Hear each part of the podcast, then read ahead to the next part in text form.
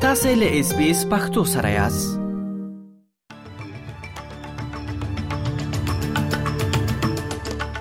د خبرونو سرټکی د ترکیه او سوریې په زلزلو کې د وژل شو کسانو شمیر د 20000 څخه ډیر شوی دی او لا هم د کڼوالو لاندې ژوندۍ کسانو لټون دوام لري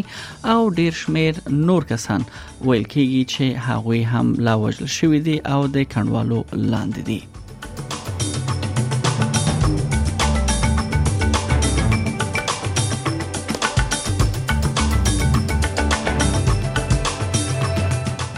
په استرالیا کې نوې شمیرې ښیي چې روغتيایي متخصصین د تیر کال په پرتله نږدې دوه چنده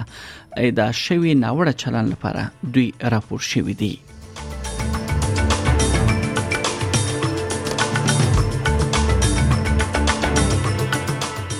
د متحده ایالاتو دفاع وزارت پنتاګون دا تایید کړ چې دوی د الاسکا په اوګدو کې په یو لوړ ارتفاع کې یو نامعلوم شی وشتلی دی او روسي خبردار چې پاکستان مسکو کې د افغانستان په حق له مشورتي غونډه کې برخه وانه خستله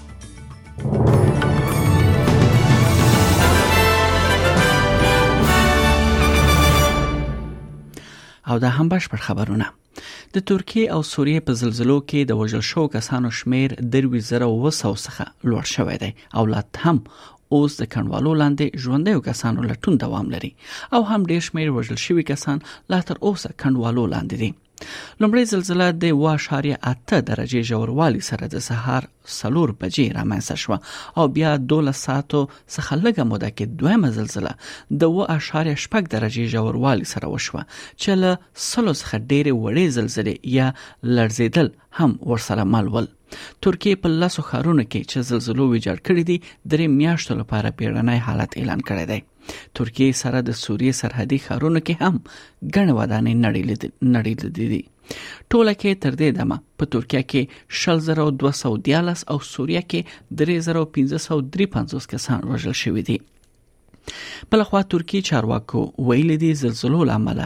14.15 میلیونه خلک اغیزمن شوي دي لشلو څخه ډیرو هیوادونو ترکیه کې ځپل شو سیمو ته خپل ژغورنې ټیمونه استول دي د ترکیه ولسمشر رجب طیب اردوغان پرون په خبري کانفرنس کې ویل شي او یا هیوادونو ترکیه سره مرسته ورکول وړاندیز کړی دی ترکیه او سوریه په زلزلہ کې یو شمیر استرالیان هم وژل شوی دی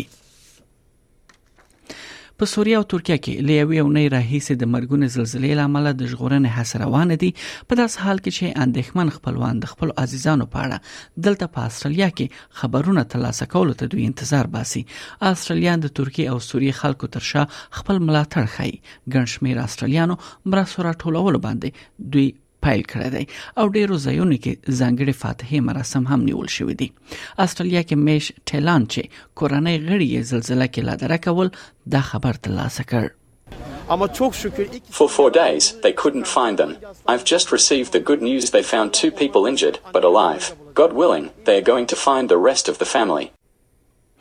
دا ډول خبرونه اوس په کمیدو دي ځکه د کندوالو لاندې بندو کسانو را وېسلو چانس وخت تیرېدو سره کمیږي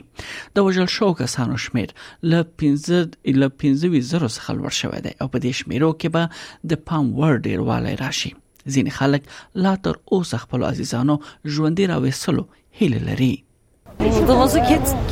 We are not going to stop believing. We are still hoping Maybe a miracle is going to happen. God willing, there's going to be a miracle. God willing, she's going to get out. Children need their mother very much. She has to get out.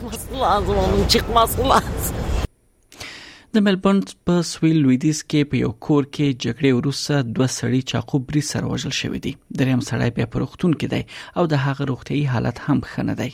پولیسو د وژل شو کسانو د هویت او د پیښې د سرنګوالي په اړه سند ویلي د پولیسو پلټنه ډله د یاد پیښې ځای کې دي او د پیښې سرنګوالي پلټنه کوي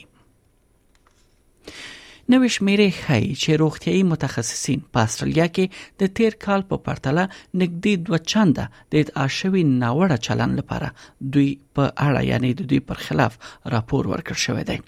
په ټول هیواد کې د استرالیا د روغتیا متخصصینو مقرراتو ادارې په تیر مالی کال کې د ډاکټرانو خلاف 340 شکایتونه ثبت کړي دي دا په تیرو 12 میاشتو کې یو سل اتیا اضافي شکایتونو ثبتېدل دي غلط طرز العملونه له ناروغانو سره نامناسب جنسي اړیکې او په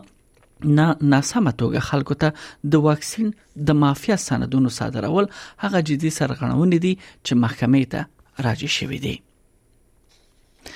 د متحده ایالاتو دفاع وزارت پینټاګون دا تایید کړه چې دوی د الاسکا په اوګدو کې په یو لوړ ارتفاع کې یو نامعلومه شی وشتلی دی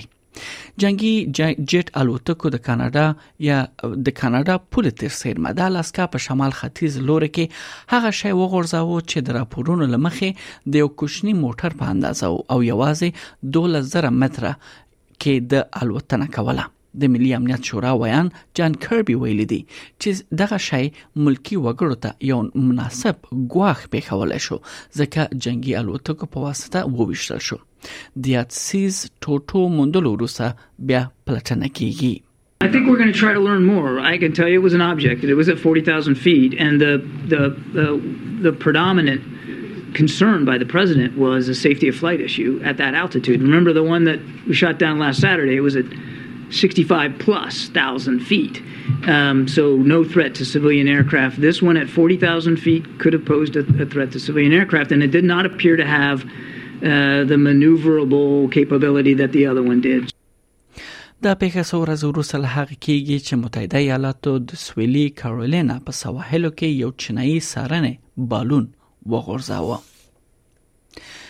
د متحده ایالاتو د تحقیقاتو فدرالي ادارې یا اف بی آی د متحده ایالاتو د پخوانی مرستیال ولسمشر مایک پنس کور له هغه وروسته لټولای دی چې په یاد کور کې 13 میاشت د امریکا ملي امنیت پټ اسناد موندل شوې دي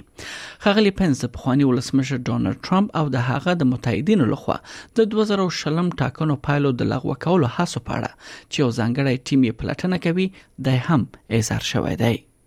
these developments, the subpoena and the FBI search, are coming as many expect Mike Pence to enter the 2024 presidential race, which would pit him against Donald Trump, the former president. And so it is impossible to untangle the legal and political implications here because there's a lot that's happening in the weeks and months ahead in the political realm about Mike Pence's potential 2024 candidacy. And so this is all happening at a very interesting moment. دا په داس حال کې ده چې په خوانی ولسمشر ډونالد ترامپ او ولسمشر جو بایدن د محل د محرم اسنادو د ساتلو په اړه د دوو ځنګړو وکیلانو لخوا تحقیقات سره مخ دي بل خبر له افغانستان څخه د افغانستان د اورګاری پټلۍ اداره وایي چې له څو ورځنی ځنډ وروسته د جمعې پر ورځ د حیرتان مزار شریف ریډ پټلۍ لارې د اورګاډو تګ راتګ بیرته پیل شوې دی د غیدارې په خپل ټوئیټر پاڼه یو ویډیو هم خبره کړې ده چې پکې لیدل کېږي د حیرتان بندر لاره لوزبکستان څخه په سوداګریزو توکو بار اورګاړي د افغانستان لور ته راځي یا د اداره وای چې د تیر چهارشنبه په ورځ د افغانستان د وسپنې پټلۍ ادارې د چارسمبلې مشر ملا بخت الرحمن شرافت په مشرۍ یو پلاوی گاونډي هیواد ازبکستان ته تللی وو بل خبر له پاکستان څخه دی پاکستان له آی ایم ایف سره د خبرو پر بنسټ به یو سل او یا میلیارډ روپیو مالی یا مالیه ولګوي ولګوي په خپل یعنی هیواد کې دننه د پاکستان د مالی وزیر اسحاق ډار وایي د پیسو نړیوال صندوق یا ایم ایف له پلاوی سره په خبرو کې د هر څه په اړه هوکړه شوې ده او د دغه خبرو لمخه به د یو سل اویا میلیارډ روپیو نوې مالیه ولګول شي د پیسو نړیوال سازمان له پلاوي سره تر خبرو وروسته د پاکستان د مالیې وزیر په اسلام آباد کې یو خبري غونډه ته ویل تر تیرې شپې هر څه په دوه اړخیزه توګه مخکې تللی دي لا اوس هم دغه خبره یعنی روانه دي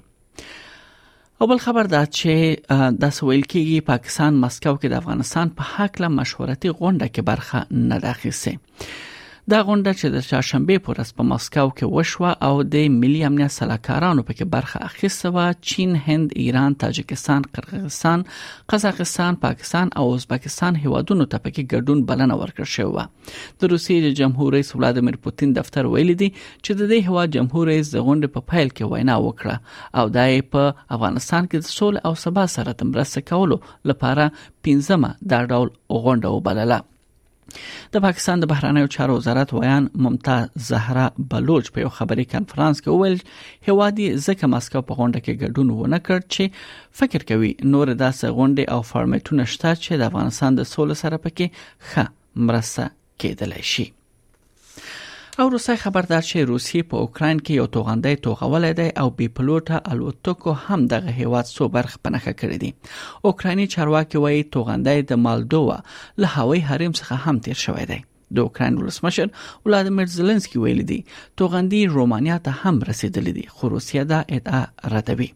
د راپورونو لمخې د اوکراین پلازمینه کیف په نخښه شوې ده خو د کیف خار اداره وایي د اوکراین هوایي ځواک توانیدل چې پر خار لس توغندي لمنځه یوسي د توغندي د لګیدو لامل دوه موټر یو کور او د برېښنا تارونه زیانمن شوي دي خو د مرګ ژوبلې راپور نه دی ورکړ شوی